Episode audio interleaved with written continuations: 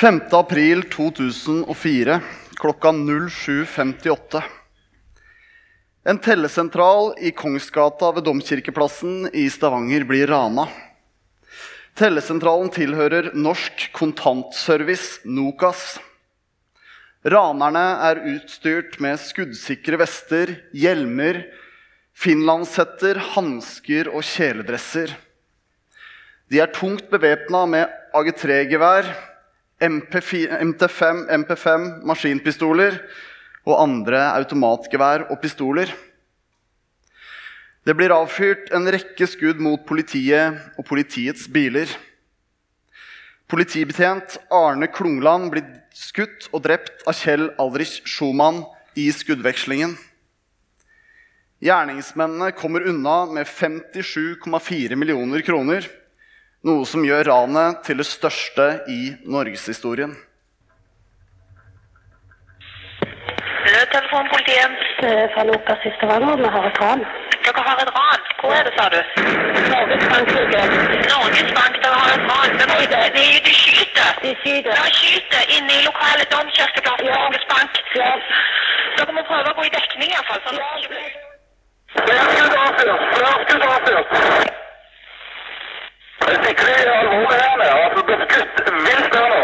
Og mye folk som eh, vaser fram og tilbake, men ikke får stoppet.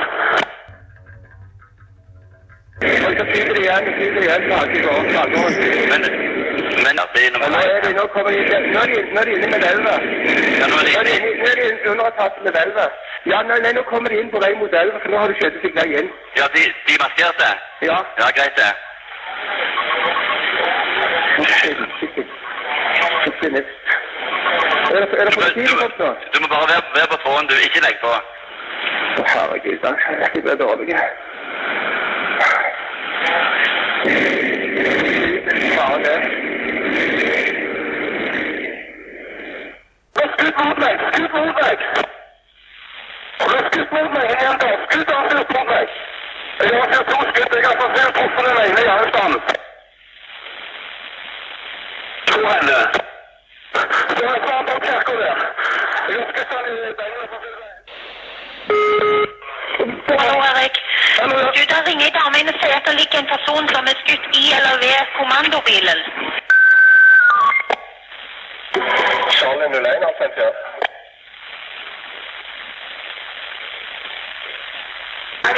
Charlie 01 har sendt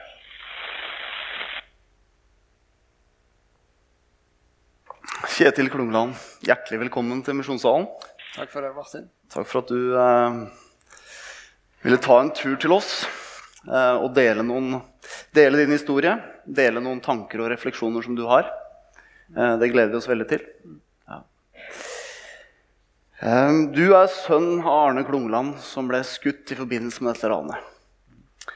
Eh, Det er jo liksom utgangspunktet her. Eh, Kan du eh, starte med å fortelle litt om, litt om deg sjøl den gangen?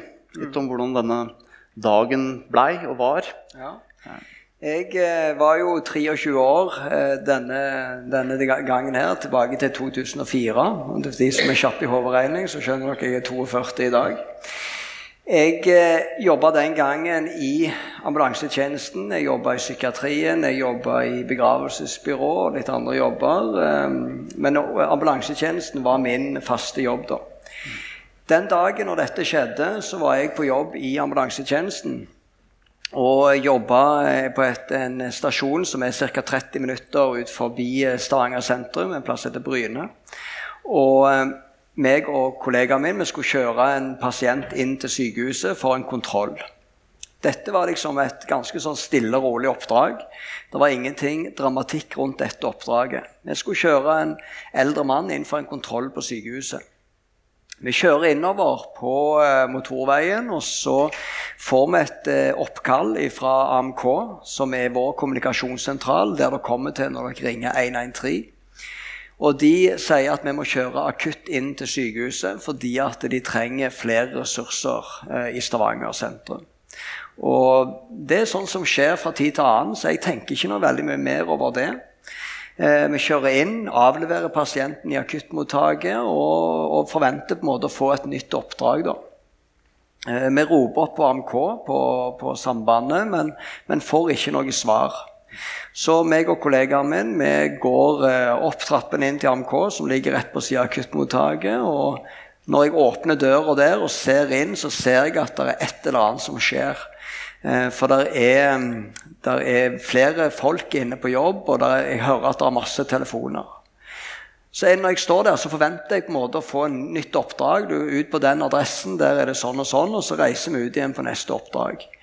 Men kollegaen min i AMK han snur seg til meg, og så ser han at vi står der, men han fortsetter bare å jobbe. Så vi blir stående litt der. Syns det var litt sånn merkelig. da. Så snur han seg igjen og så spør han om vi kan gå inn på et rom på sida av. Syns det òg var litt merkelig, for jeg forventer jo at, eh, at eh, vi bare får et nytt oppdrag. Da. Men vi gjør som jeg får beskjed om, å gå inn på et rom på sida av. Når jeg kommer inn i det rommet, så ser jeg ut av vinduet et eller annet som brenner.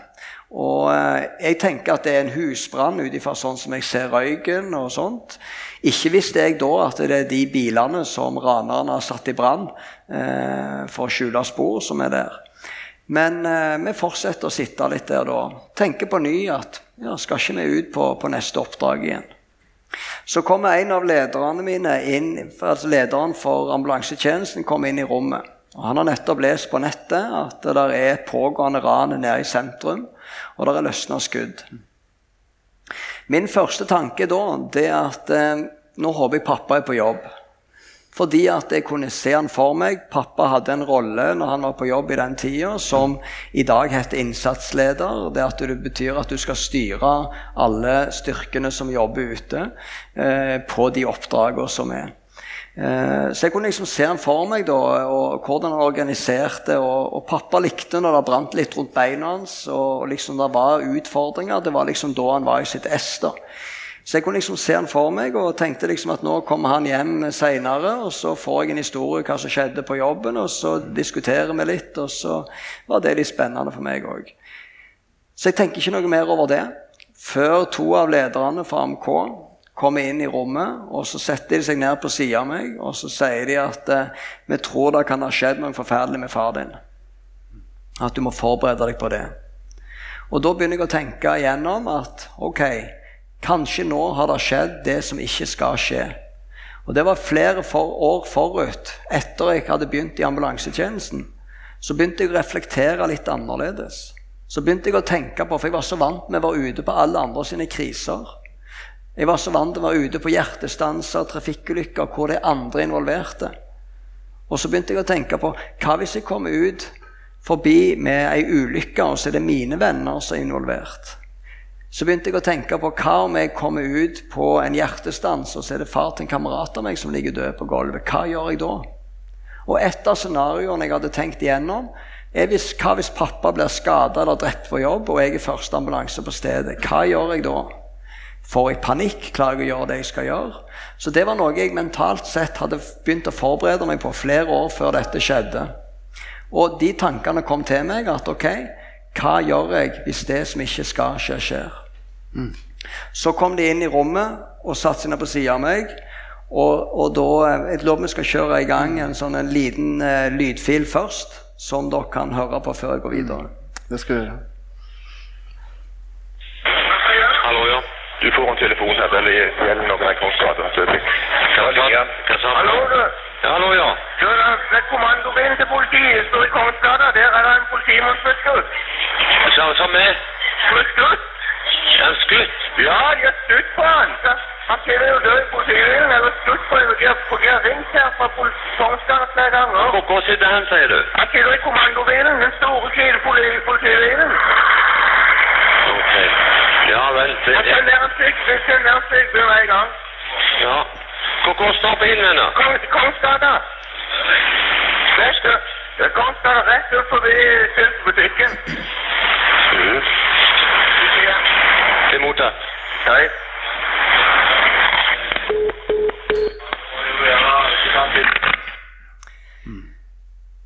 Og så kommer lederne Så kommer de to lederne og setter seg ned på sida av meg, og så sier de at eh, vi tror det kan ha skjedd noe forferdelig med far din. Du må forberede deg på det. De kunne ikke da si helt sikkert om det var han. De kunne heller ikke si helt sikkert hva som hadde skjedd, men at jeg måtte forberede meg på at det kunne ha skjedd noe med han. De går ut, kommer inn noen få minutter etterpå, og så sier de at nå er det bekrefta. Det er far din, og han er skutt. Min første tanke da det er at pappa er skutt. Det er ambulanse på stedet. Traumeteamet gjør seg klar i akuttmottaket. Operasjonen gjør seg klar. Hele den regla som jeg var vant med, blir iverksatt når, når vi i ambulansen kommer inn med en traume. Jeg oppfatter ikke der og da at han er drept. Jeg tenker med en gang at han er skutt og skada. Så jeg må spørre de lederne da, er han skutt og skada, eller er han skutt og drept, spør jeg. Og Så sier jo ene lederen at eh, han er skutt og drept. Mine første tanker igjen da er at igjen kommer disse tankene at ok, dette har jeg forberedt meg på. Nå har jeg på en måte en plan klar på hva jeg skal gjøre. Ikke visste jeg hvordan jeg, når jeg planla dette, så visste jeg ikke hvordan jeg ville være følelsesmessig. Men jeg tenkte at jeg har lagd en plan for dette, og da prøver jeg å forholde meg til den, og så får jeg improvisere hvis det er nødvendig. Jeg tenkte òg at jeg må jo ringe og varsle resten av familien min. Så jeg ringer til mor mi, som eh, jobba i psykiatrien rett på sida av sykehuset. Og så sa jeg til hun hva som hadde skjedd, og at jeg kommer ned og henter henne. Der og da så ble jeg tatt ut av tjeneste. Nå står jeg ikke i fare for å bli sendt ut på nye oppdrag, men jeg har ambulanseuniformen på, og det er òg noe som eh, preger tankegangen min resten av denne dagen. Jeg kjenner jo at jeg har behov for informasjon. Jeg lurer jo på hvem har gjort dette? Hvordan ser det ut? Hvordan ser pappa ut? Eh, hvor har dette skjedd henne? Har eh, disse personene blitt pågrepne? Eh, jeg sitter igjen med masse spørsmål. Så jeg har et behov for å reise ned i sentrum og så se det for meg mine egne øyne. Hva er det som har skjedd? Når jeg reiser ned og møter mor mi, og hun kommer ut fra avdelingen og møter meg i gangen eh, Hennes første ord til meg var bare at han hadde jo bare tre år igjen. Jeg tror at mor mi har tenkt igjennom risikoen flere år, for han hadde jo jobba i politiet siden 70-tallet, men at nå skulle han pensjonere seg om tre år, og at da ble risikoen mindre. Men hennes første ord var at han hadde jo bare tre år igjen. Jeg spør mor mi om at jeg sier til mor mi at jeg vil ned i sentrum der dette har skjedd, og spør om hun har lyst til å være med, og det sier hun ja til. Og vi kjører nedover mot Stavanger sentrum, som er ca. To kilometer fra sykehuset. Når jeg kommer ned der, så er allerede bilen med pappa i den er da tatt vekk fra stedet, så den står ikke der nede da. Men politiet jobber jo med å sperre av store deler av sentrum. Og, og jeg husker at det var en helt sånn en fred nede i sentrum. Vi fikk komme inn, og, og eh, en politipatrulje viste oss om hvor bilen hadde stått, og, og liksom hva som hadde skjedd. Eh, men jeg står der nede. Følelsesmessig så kjente jeg på at jeg var lei meg for at det som hadde skjedd, at pappa var død, og jeg stolte på at de som hadde fortalt meg, at det stemte. Men følelsesmessig så klarte jeg ikke å begynne å reagere. Jeg klarte ikke å begynne å gråte eller eh, kjenne på for mye følelser. Jeg følte meg litt sånn følelseskald. Når jeg står der nede, så får jeg beskjed om at det skal være en orientering oppe på politihuset. Og kjenner jo at jeg har lyst til å få mer informasjon, og det vil jeg få med meg. Så vi reiser opp der, og i foajeen der så er litt av det første sterke møtet som møter meg. Jeg visste, og dere vet, at politifolk er mennesker med følelser og alt dette. Men allikevel så var det en spesiell stemning når jeg kom inn i foajeen, og kollegaene til pappaen, som jeg òg kjente fra før, står i ring rundt meg og holder rundt meg og gråter. Og, og det var et sterkt moment, eller en sterk eh, opplevelse. Men samtidig et, en opplevelse av et samhold, at vi står sammen om dette. Inne på piketten, som er oppholdsrommet til de operative, der står vi nå klar for å skal få en gjennomgang av det som har skjedd. Og Bare for å forklare litt om hvor var jeg hen i hodet, for jeg sa jo at jeg, jeg følte meg litt sånn tilsidesatt, at jeg ikke var helt der jeg skulle være. Så, så had, nei, jeg sa at jeg, jeg hadde uniformen på, og det òg prega meg. For når vi sitter der inne og blir klar til denne orienteringen, så kommer det en eh, arrestforvarer opp i rommet, og så sier han at eh, det er en som har hengt seg i arresten, om det er noen fra helse her. Og meg og kollegaen min vi løper ned mot arresten, og hun snur seg i trappa og så sier hun, 'Vil du virkelig dette, Kjetil?' Og jeg stopper litt opp på vei ned og, og liksom tenker at jeg er jo på jobb. For meg så var det så vanskelig når jeg hele veien var på jobb, og da tenker jeg at plutselig nå er det jo jeg som står i en krise. Vi kommer ned resten og får klarert det ganske greit, og det kommer flere ambulanser til som overtar. Og vi går opp igjen og får denne gjennomgangen, da. Når jeg sitter her med denne gjennomgangen, så får jeg en magefølelse som bare blir sterkere og sterkere. Og det at jeg må se pappa, det er viktig for meg. Når orienteringen var ferdig, så gir jeg beskjed til noen eh, av ledere i politiet at eh, ikke ta pappa ut av bilen før jeg har sett han, for det er viktig for meg. Noen ledere visste ikke helt hva de skulle si, og, og noen sa at 'ikke gjør det, Kjetil, det må du ikke gjøre'. Men for meg så var det viktig. Det var noe jeg hadde tenkt igjennom på forhånd. At hvis jeg mister noen av mine kjære, så er det viktig for meg å se dem. Så tror jeg heller ikke at det, det var så dramatisk eller forferdelig syn for meg. For jeg jobba jo i en ambulansetjeneste, jeg jobba i begravelsesbyrå. Så jeg hadde nok, har nok kanskje mer naturlig forhold til de tingene enn kanskje mange andre. Men da tenkte jeg i alle fall at jeg hadde gitt beskjed, for de kunne ikke gi meg klaring til det da. Så Seinere på dagen så ringer jeg på ny og får da beskjed om at jeg kan komme og se han da, der han sitter i bilen. Og jeg tenker jo at kanskje nå kommer følelsene. Kanskje nå kommer gråten og fortvilelsen. Jeg går ned i, eh, i kjellerarealet til politihuset i Stavanger, der hvor bilen står, og eh, går bort og møter krimteknikerne som jobber med sporsikring. De kjente pappa, de begynner å gråte, og sjøl står jeg litt sånn følelseskald til sida. Jeg får beskjed om at jeg kan ikke berøre pappa, men jeg kan se på han inn gjennom vinduet. Så jeg går liksom bak denne først en sånn grønn presenning, da, og så går jeg bak den, og så møter bakenden av bilen meg. Går jeg først litt sånn fram og tilbake bak bilen, før jeg går bort til førerdøra, og der er vinduet nedrulla, så jeg kan se rett inn på han. Det bildet jeg ser av pappa som sitter der, det er et bilde jeg kan lukke øynene mine i dag, og så kan jeg se det for meg. Men for meg så var det et godt bilde. For jeg visste det at eh, når noen dør, så når tida går, så forandrer kroppen seg. Så hvis jeg skal se der pappa mest lik seg sjøl, så, eh, så, kan jeg ikke vente til mange dager etterpå. Og det var et utrolig sterkt blikk å se på, men samtidig så gjorde noe godt med meg. og bare en sånn en fred. Jeg husker at jeg kunne stå der i Jeg husker at jeg tenkte at her kan jeg stå i flere timer. Han satt i førersetet og hånda litt i fanget, litt over til sida. Øynene var halvveis nedrulla, var rolig i blikket og rolig om munnen. Han hadde en del skader i bakhodet som følge av eh, treff av prosjektiler, men han så ganske fredfull ut.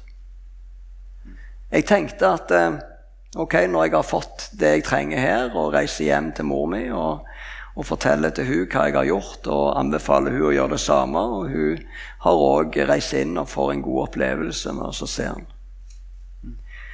Men så lurer mange da på når kommer da følelsene? Når kommer da sorgen og fortvilelsen? Det var ca. én eller to dager etterpå så var det en sånn åpen kirke, minnegudstjeneste, i kirka der som jeg bor hvor jeg sitter på første benk. Og til skrått på venstre for meg så sto det et, sånn et bilde av pappa på et bord. Og da kom tårene. Og det var utrolig godt å bare kunne sitte der og kjenne på at det, eh, det var utrolig vondt og sårt. Og bare kunne hulkegrine og bare få ut av, av følelser med at jeg savna pappa. At dette var vondt av det som hadde skjedd. Mm. Mm. Hvorfor tror du at eh, det ble så viktig for deg å se han? Jeg tror det ble viktig for å se han fordi at eh, jeg hadde lyst til å på en måte vite Istedenfor å sitte hjemme og lure på hvordan så ting ut, så var det viktig for meg å vite. der skrev i media skrev at han var ubevæpna og forskjellig. Men jeg visste jo at han var bevæpna, og hva utstyr han hadde på seg. og litt sånn, Fordi at jeg hadde sett det. Jeg hadde sett hvordan han så ut, istedenfor å sitte hjemme og lure på så han sånn ut eller så han sånn ut. Så kunne jeg vite det med å faktisk være og se det. Mm. Du sier at det tok et par dager før liksom, sorgen kom. Hvordan så den ut de første ukene etterpå? I de første ukene etterpå så var det en sånn blanding mellom å prøve å konsentrere seg om at eh, en har mista en far, samtidig som at det var mye utfordringer og mye ting en skulle ta stilling til. Eh, det gikk vel bare et par dager, så begynner media å ringe. Eh, og eh, altså, Det var over 100 forskjellige medier som ringte, ikke sånn hver dag, men dette dro jo over flere år. da eh, som ønska kommentarer, intervjuer og diverse. Og jeg hadde jo aldri snakket med media før. Jeg hadde jo aldri hatt noe mediehåndteringskurs. Men jeg tenkte at dette er en såpass stor sak i norsk media at uansett om jeg ikke ønsker å forholde meg til media, så må jeg det uansett. Så jeg tenkte at jeg lagde meg en slags plan da, på hva gjør jeg Eh, hvordan skal jeg håndtere media for at media skal, håndtere, altså skal respektere de grensene som meg og familien setter? Så valgte jeg da å gi noen intervjuer, og så var jeg ganske klar og tydelig på hvordan jeg ønska de intervjuene skulle være. da. Eh, og så så jeg en, at jeg kunne kanskje grue meg litt de første gangene. Og så så jeg at uh, dette gikk jo ganske greit, da. Så de var jo ikke så gale som jeg hadde forberedt meg på. Og det ga meg òg en mestringsopplevelse. Videre òg i de neste ukene på seg, så var de òg klar for en begravelse. Jeg hadde jo tenkt på forhånd at hvis jeg mister noen av mine nærmeste, så må jeg jo holde en tale i begravelsen. Jeg var ikke vant med å snakke foran en forsamling. Og Her var det plutselig en begravelse med over 800 personer inne. Det var direktesendt radio, det var direktesendt på NRK. Så tenkte jeg hva om jeg kommer opp på den talerstolen og skal holde en tale, og så klarer jeg ikke å få ut et eneste ord? Hva da? Men så tenkte jeg det vil folk ha forståelsen for. tenkte jeg. Så jeg planla en, en, tale, og når det var min tur til å tale, så ba jeg bare en kort bønn. Kjære Gud, vær med meg i det jeg står i. Så gikk jeg opp, og så hadde jeg en tale, så gikk jeg ned igjen. Og så kjente jeg på en mestringsopplevelse. Og den mestringsopplevelsen jeg kjente på, den ga meg et spark bak til å hive meg ut i neste utfordring og neste utfordring. Og sånn fortsatte jeg egentlig. Og så så jeg bare at det, det som jeg kunne grue meg til Da forberedte jeg meg, og så tok jeg utfordringen. Og så kjente jeg på at det var jo ikke så gale likevel. Det gikk jo mye bedre enn jeg hadde forberedt meg på. Og den eh, følelsen der, det er noe av det som jeg kaller for en god livskvalitet. Mm. Ja, for du tar, en, du tar jo en veldig aktiv rolle. Du, du, velger å se din far, eller pushe på for å få det til å skje. Eh, du gjør disse tingene som du snakker om her. Du har også fortalt om at du, du aktivt måtte oppsøkte dette stedet eh, på mm. Domkirkeplassen jevnlig i mm. ukene og dagene, dagene og ukene etterpå. Mm. Eh, hva tenker du at du sitter igjen med etter det? Hva, hvordan kunne du greie å på en måte ta en så aktiv rolle? Mm. Det var det at jeg hadde begynt i det små da, å hive meg ut i utfordringer. Og så så jeg på at det, det var mestring der, og den følelsen der heiv meg ut i neste utfordring. Og så, et år etter jeg hadde et år etter dette skjedde, så fikk jeg et brev i posten om ei sorggruppe. Og så kjente jeg på at jeg har ikke så veldig mye behov for det, tenkte jeg. Men så begynte jeg å tenke. Kanskje jeg har mer behov for den sorggruppa enn jeg egentlig klarer å se. Så tenkte jeg ja, jeg melder meg på den sorggruppa. Lærer kanskje noe i samme slengen. Og så var jeg i sorggruppa i seks måneder, og så spurte de om jeg kan være med å lede neste. Så da var jeg i sorggruppa i, i et, et, helt år da, og møtte mange mennesker som hadde det ganske vanskelig. Og så så jeg på det at det, det som mange av de opplevde som vanskelige problemstillinger i livet sitt, det syns ikke jeg var vanskelig. Og så begynte jeg å tenke på hva er det de har gjort som jeg ikke har gjort, eller motsatt. Og så så jeg på at mange av de tok ikke utfordringer. De kunne ikke gå på der de hadde mista sine kjære, for det ville de ikke takle. De kunne ikke gå på grava, for det kom de ikke til å takle. Og så bygde de opp murer i livet sitt på ting de ikke kunne gjøre, som begrensa livskvaliteten. Og uten at jeg var så veldig bevisst på det sjøl, så hadde jeg gjort stikk motsatte. Jeg hadde kjørt som han sier, altså jeg hadde kjørt ned Kongsgata, tenkt igjennom tidlig på morgenen før jeg skulle på jobb. Tenkt hva tenkte pappa på, hva følte han på, diverse. Og så, når jeg hadde gjort det mange nok ganger, så kjentes det helt naturlig ut å være der nede uten noen helst problemer. Når vi snakka sammen på eh, telefon før sommeren, så var jeg veldig opptatt av at vi skulle snakke om tilgivelse. Og det skal vi jo etter hvert også gjøre. Eh, men så sa du noe om at ja, eh, ofte når jeg blir invitert til menigheter, så vil de snakke om tilgivelse. Og når jeg blir invitert til nødetater, så vil de snakke om krisehåndtering og hvordan man forbereder seg på kriser. Og at det gjerne bør være litt motsatt. At vi eh, i menighet gjerne kan tenke litt mer på hvordan vi forbereder oss og, og håndterer krisesituasjoner eller kriser i livet. Vanskelige ting som oppstår i livet. Eh, og at tilgivelse også kan være et tema for, for diverse nødetater. Eh, hvordan eh, hvordan, eh, hvordan tenker du at eh, Nå er det ikke alle som vil oppleve det som du har opplevd. mm. men vi har alle våre opplevelser i løpet av livet. Hvordan tenker du at vi skal forberede oss, eller mentalt gjøre en forberedelse inn i det? Er det mulig? Jeg tror at det er de færreste som går gjennom livet uten å møte større eller mindre utfordringer.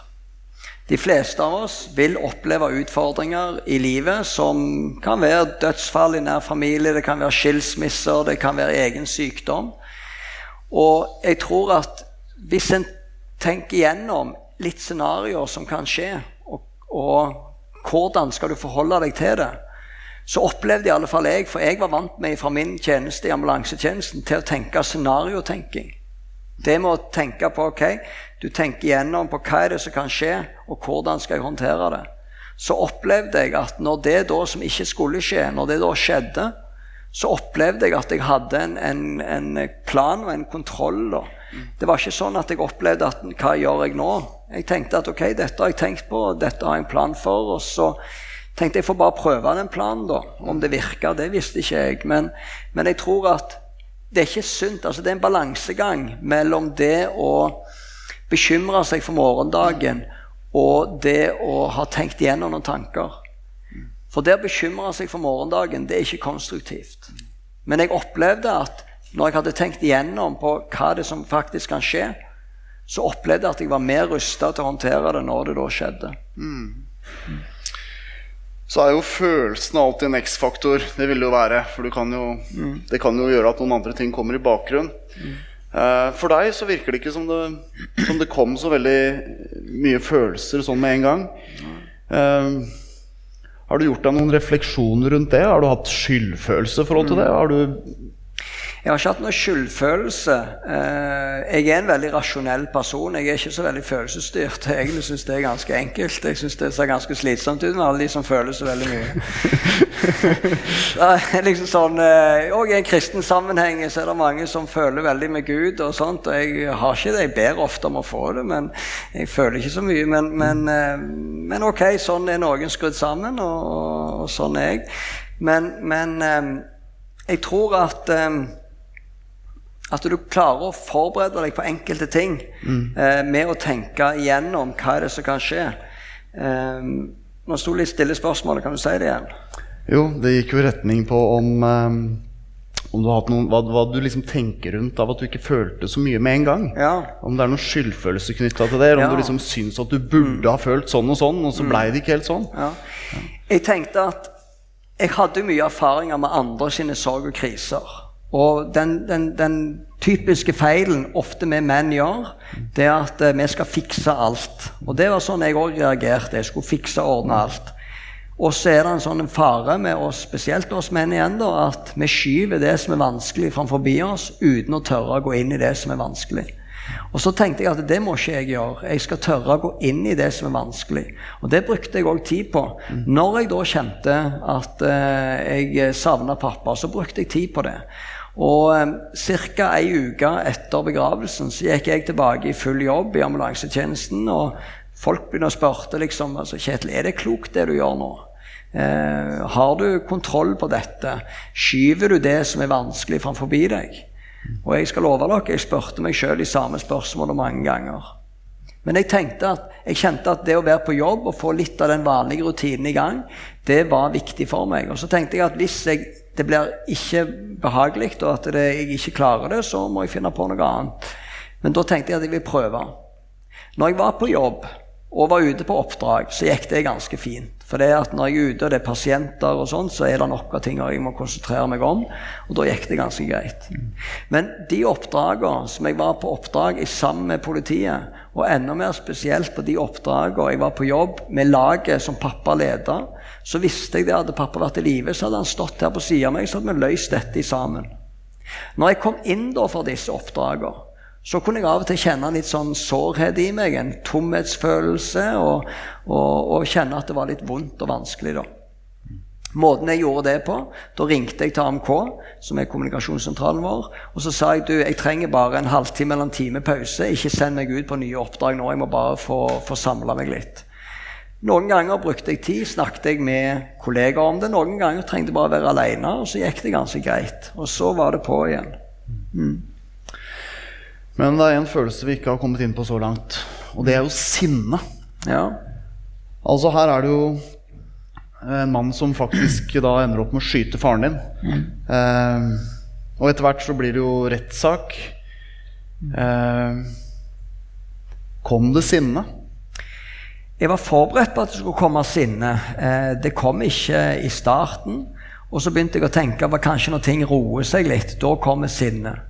For det er noe helt naturlig når en urettferdig gjerning skjer mot oss sjøl, at vi kjenner på et sinne, et eh, ønske etter å ta hevn. Eh, og det kan jeg kjenne på andre ting i livet mitt. Men oppi denne episoden som skjedde her, så kjente jeg aldri på noe sinne. Jeg forberedte meg på at kanskje seinere så kommer det sinnet. Men det gjorde ikke det. Til å begynne med så tenkte jeg at jeg ser jo det er så mange andre som er sinte men ikke meg eller den nærmeste familien. Men så tenkte jeg, var ikke jeg glad nok i pappa da? Hvorfor er ikke jeg sint? Men etter hvert så så jeg hva frukt det bar å slippe å gå rundt med det sinnet. Hvor behagelig jeg fikk det, og hva det gjorde med min egen livskvalitet når jeg slapp å bli båret av det sinnet som kunne ha utvikla seg til et hat og et ønske etter hevn. Så jeg kjente bare en sånn enorm takknemlighet for det. Og så bare tenker jeg Hvorfor var ikke jeg sint da? Som jeg sa, det er helt naturlig at det skjer. Det kunne ha vært fordi at jeg gikk så dypt inn i alle prosesser og sånn. Men den eneste logiske forklaringen for meg som en kristen mann, det er at jeg tror at det der var Gud med meg og familien til å se utover det meningsløse. Se utover det sinnet og hevnen. For jeg klarer ikke på en måte å finne noen andre logiske forklaringer på hvorfor verken meg eller familien kjente på det sinnet og ønsket etter hevn. Mm. Så blir det jo rettssaker i flere runder her, og det pågår jo over år. Mm. Eh, og så i tillegg så, så tar du kontakt med forsvarerne og ønsker å møte flere av gjerningsmennene. Mm. Hvorfor det? Mm. Hvordan var det? Ja. Jeg kan først si litt kort om rettssakene. Så Jeg hadde jo heller aldri vært i en rettssak før. Og, og, dette var jo en rettssak som først varte i seks til syv måneder i tingretten. Så var det en pause, nye seks til syv måneder i lagmannsretten. Og så var det en frikjennelse som dommeren satte til side, ny rettssak.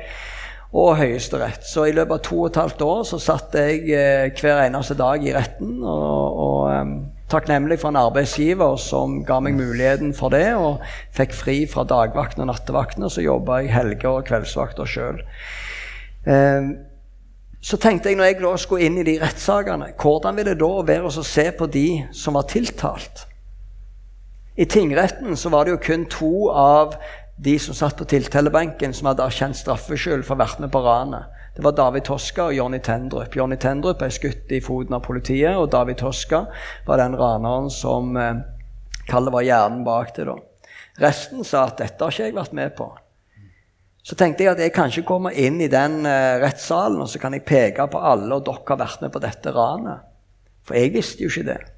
Så jeg tenkte at jeg må prøve å se objektivt på det. Jeg må prøve først å lytte til deres forklaringer, lytte til deres forsvarere, og så lytte til aktoratet. Og så kan jeg gjøre meg opp en mening på om de har vært med på ran eller ei.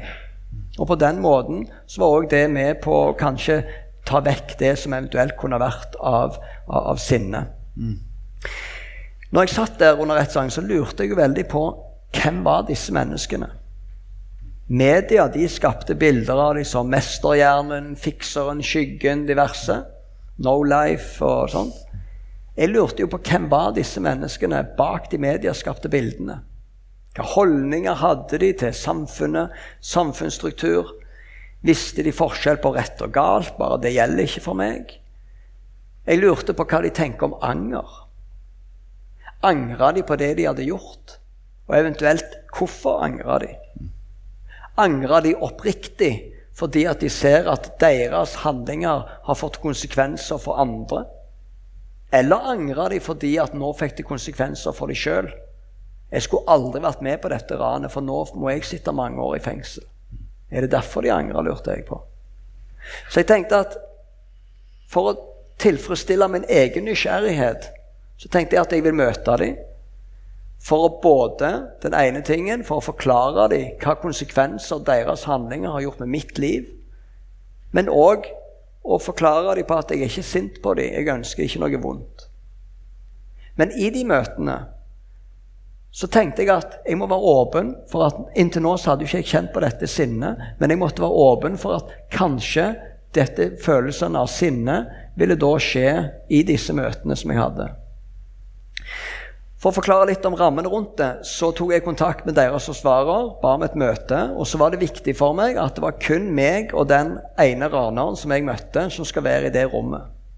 Det skal ikke være politifolk til stede, det skal ikke være rettsbetjenter, det skal ikke være forsvarere, ingen andre. Fordi at jeg ønsker å legge forholdet til rette for en så naturlig og ærlig samtale som mulig. Og når jeg da forberedte meg til disse møtene, så tenkte jeg gjennom holdt jeg på en måte to holdepunkter. Det ene var eh, scenariotenking.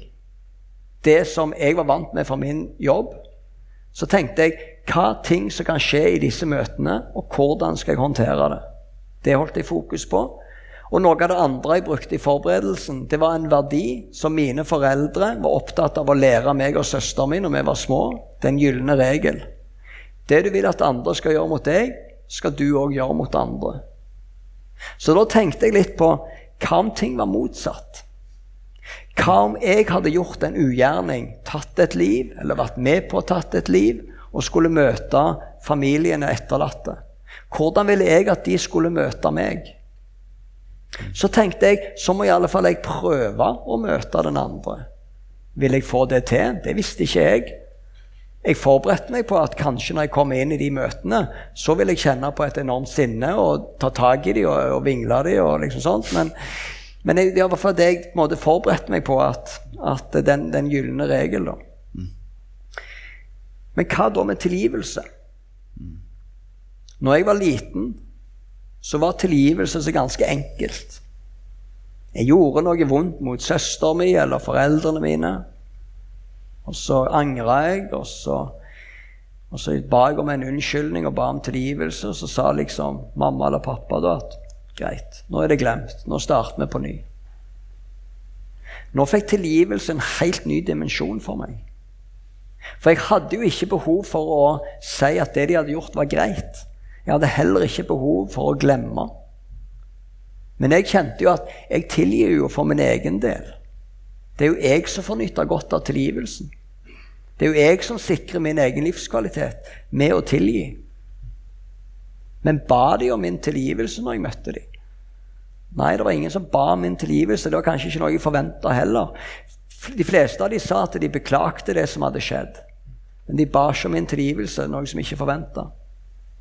Men jeg formidla til dem at eh, jeg holder ikke noe vondt mot dere. Men jeg sa heller ikke at jeg tilgir dem til deg når jeg møtte dem. Hvorfor gjorde jeg ikke det? Det var fordi at når jeg møtte de forskjellige ranerne, eh, under, spesielt under lagmannsrettsbehandlingen, så sto jeg fremdeles i en prosess til å forstå hva betyr tilgivelse for meg. For jeg tror at tilgivelse kan bety så forskjellig fra person til person. Så jeg måtte definere Jeg kan ikke si at jeg har tilgitt noen uten at jeg kan kjenne det fra dypet. Så jeg måtte først definere det for meg sjøl. Og jeg tror tilgivelse kan bety forskjellig fra person til person. For noen så betyr tilgivelse at ugjerning må gjenopprettes. Her var pappa død, det var ikke mulig. For andre betyr tilgivelsen at, at um, den som har gjort ugjerning, må be om tilgivelse. Her var det ingen som hadde bedt om min tilgivelse. Og for andre betyr tilgivelse at en tilgir uavhengig av den andre. Og det var det jeg kjente på. Mor mi hun fikk et, sånn et bilde på det med tilgivelse. Hun fikk et, eh, altså et fysisk bilde. da. Når, når vi sto i eh, ankesaken i lagmannsrettsbehandlingen på en sånn åstedsbefaring, hvor hele retten samles ute på åstedet og går gjennom hele løypa. Så sto vi nede i Kongsgata der som dette hadde skjedd, og så sto forsvarerne og de eh, tiltalte sto litt lenger oppe på en høyde. Og så ser mor mi opp på en bygning bak, og der står det et stort skilt oppå det bygget med tilgivelse. For mor mi så ble det nøkkelen. Det er jo tilgivelse som er nøkkelen her. Jeg har fått snakket med han etterpå som satte opp det skiltet. og Det var litt sånn tilfeldig. Han hadde lagd et stort skilt som hadde ønska å sette opp på et bygg, og så ble det litt sånn for mor mi at det, det, er det som er nøkkelen. Vi snakker jo gjerne om at tilgivelse er å løsne en binding, på en måte. Eh, og at det rett og slett Det er ikke å si at noe er greit. Eh, det er å løsne den bindingen som, som eh, man eventuelt har da, eh, til en gjerning og til en, til en andre som har, som har gjort deg noe. Eh, det er sterkt å høre deg fortelle om det her, fordi at det er eh, eh, Man tenker jo hva man sjøl ville, ville gjort i tilsvarende situasjon, og hvilke følelser som, som liksom dukker opp da. Jeg kom bare på Vi kan Ja, skyte ja, inn. Eh, jeg sa jo det at jeg syns det var vanskelig å vite om hvordan jeg, om jeg hadde tilgitt. Og for meg så ble det litt mer virkelig når jeg møtte Kjell Schumann i fengselet. Som var den eh, raneren som da avfyrte skuddene. Eh, jeg hadde jo forberedt meg godt, og jeg kom inn på et venterom og, og eh, sitter og venter der. Da, og venter hvor Schumann skal komme inn i rommet. Og så kommer en, retts, en, sånn en eh, fengselsbetjent kom inn i rommet, og så kommer med en sånn en overfallsalarm. Og så sier han at du må sikkert ha den, du. Og så sa jeg den må du gi til Schumann, for det er han som trenger den. Han skjønte Elvis humoren da. Men, men det med tilgivelse For meg så ble det litt mer virkelig når jeg kunne møte Schumann. Jeg, en, jeg hadde vel nesten to timers samtale med han. Jeg kunne ta han i hånda, si takk for at du ville møte meg. Og når jeg gikk ut av det rommet, så kjente jeg fremdeles ikke på et sinne.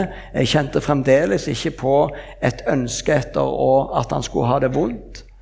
Eh, så tenker jeg at det må være en del av en tilgivelse, tenker jeg. For jeg klarer ikke helt å klare å definere annerledes. Jeg må bare være ærlig på, på, på sånn som jeg har opplevd det. Så snakker du om når vi forbereder oss litt om, om, en yd, om noen ydmykheter som du har. Ja. Eh, fordi at dette er sånn som du har opplevd det, og at andre kan oppleve ting annerledes. Ja. Hva mener du med det? Jeg ønsker at dere skal forstå en ydmykhet med to ting. Og det ene er at de tingene jeg har gjort Når jeg har snudd meg tilbake igjen og sett på de tingene jeg har gjort, så ville ikke jeg ønske at jeg skulle gjøre noe annerledes. Men det er langt ifra en fasit for alle andre. Målet mitt er at eh, hver enkelt skal reflektere over sine ting og finne sin vei. Jeg tror ikke nødvendigvis dette er den rette veien for alle andre. Men jeg tror det er momenter i det som jeg har gjort, som andre kan lære av. Det andre er en ydmykhet opp mot tilgivelse. For jeg har ganske stor respekt for de menneskene som står i problemstillinger hvor det er vanskelig å tilgi. En ønsker å tilgi, men kjenner på et sinne.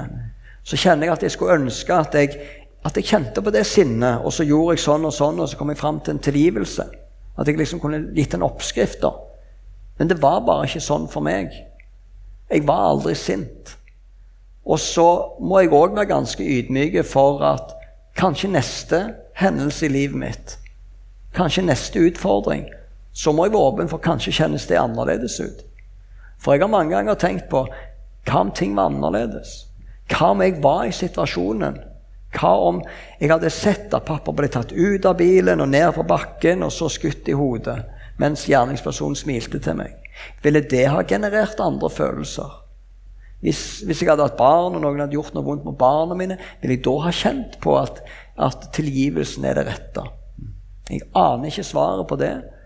Men det jeg har sett, det er at når jeg holder et fokus på tilgivelse, så er det der fokuset kommer, og ikke på det å ta hevn. Men jeg har stor respekt for de som står i den, eh, eh, står den utfordringen og, og ønsker å tilgi, men som faktisk kjenner på det sinnet. Det har jeg veldig stor respekt for. Det har vært fint å høre på deg, Kjetil. Vi er i ferd med å gå inn mot landing. Er det noe mer du tenker at du ville lagt til før vi går litt på den siste videoen vi hadde? Ikke som kommer på umiddelbart. Nei, da tror jeg vi tar den. Så kan vi få lov til å være litt i ettertanke når vi, eh, når vi ser på den, de bildene og den, den sangen som er til de bildene. Eh,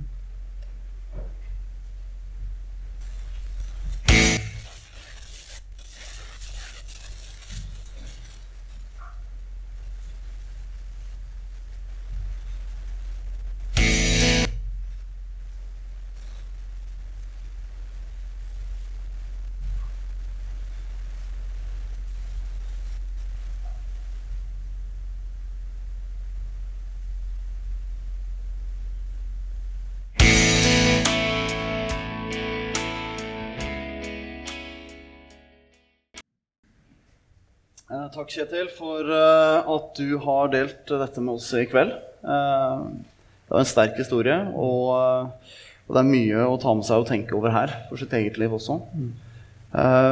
Du tar jo ikke betalt når du drar rundt på sånne ting som det her. Men vil gjerne ha en gave til et godt formål. Villa Ville. Ja, Eh, kan ikke du si noen setninger om det? Jo. Villa Ville er et prosjekt som eh, driftes av ei fantastisk driftige dame med et hjerte for, virkelig godt hjerte for mennesker. Som eh, hun kjente Hun er politi, og etter politiskolen så kjente hun på at hun har et spesielt kall. Hvor hun kjøpte opp en gård og eh, drifter denne med hjelp av ungdommer som trenger arbeidstrening, voksne som har havnet på skråplanet, trenger arbeidstrening, in, eh, inkludering av innvandrere, og barn og unge som, som trenger et trygt og godt oppholdssted. Og Det er forbilledlig, det som hun, arbeidet som hun driver med. og Jeg ønsker å støtte hun eh, med dette. Og, og som jeg forstår, dere eh, har òg en tilknytning til Young Life, og det har hun òg. Men, men dette er Villa Ville. Villa Ville. Eh, Så kan dere søke opp det på Facebook, og så kan dere lese mer om det da. Så det blir mulighet til å gi en gave til det eh, nå etter hvert som det blir kollekt. eh, Om noen minutter. Yes, Da tror jeg vi sier takk for oss her oppe. Takk. Så tror jeg vi gir Kjetil en applaus. Takk for det.